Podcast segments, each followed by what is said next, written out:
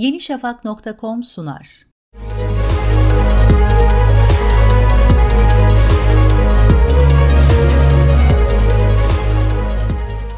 Dünyanın ilk bilgisayar solucanını bulan ve tüm zamanların en eğitimli bilgisayar korsanı olarak kabul edilen Robert Tapan Morris'i tanıyalım. 1965'te Amerika'da dünyaya geldi ve babası Ulusal Güvenlik Ajansı'nda üst düzey bir bilim insanı olarak çalışıyordu. Henüz çocuk yaşlarda bilme ilgi duymaya başlayan Morris özellikle bilgisayar ve iletişim teknolojilerine karşı ilgiliydi. Lisans eğitimini Harvard Bilgisayar Bilimleri bölümünde tamamladı ve sonrasında Cornell Üniversitesi'nde aynı bölüme devam etti. 23 yaşındayken master projesi olarak deneysel, kendini kopyalayan, kendi kendine yayılan, aynı zamanda internete bulaştırılabilecek bir program yazmaya başladı. Soyadını taşıyan Morris Solucanı isimli programı 2 Kasım 1988 yılında denedi.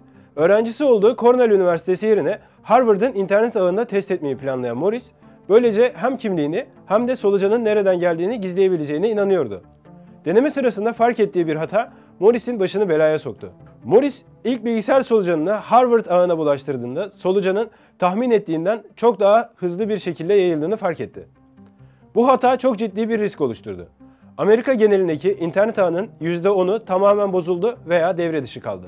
Kendi yazdığı solucanı devre dışı bırakabilmek için Harvard ağı üzerinden tüm programcılara anonim bir e-posta göndererek sorunun nasıl giderileceğini tarif etti. Ancak bilmediği şey ise Harvard ağı solucandan dolayı devre dışı kaldı ve e-posta kimseye ulaşmamıştı. Hızla yayılan solucan üniversiteler, askeri kurumlar, hastaneler ve emniyet birimlerinin sitelerini etkiledi. 1988 yılında internete bağlı 60 bin kadar bilgisayarın yaklaşık 6 binini ürettiği solucan yazılımı ile çökertti.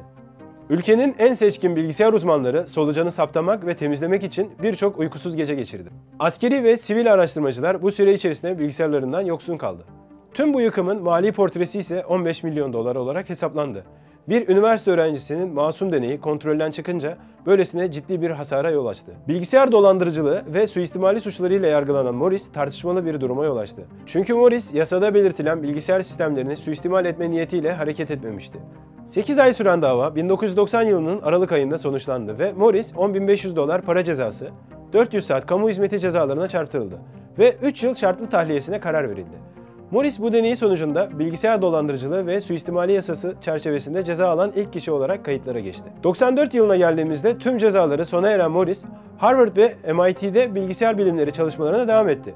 2006 yılında profesör olarak MIT'ye katıldı. ViaWeb ve Y Combinator'ın kurucularından olan Morris, günümüzde büyük şirketlere danışmanlık yapıyor. yenişafak.com sundu.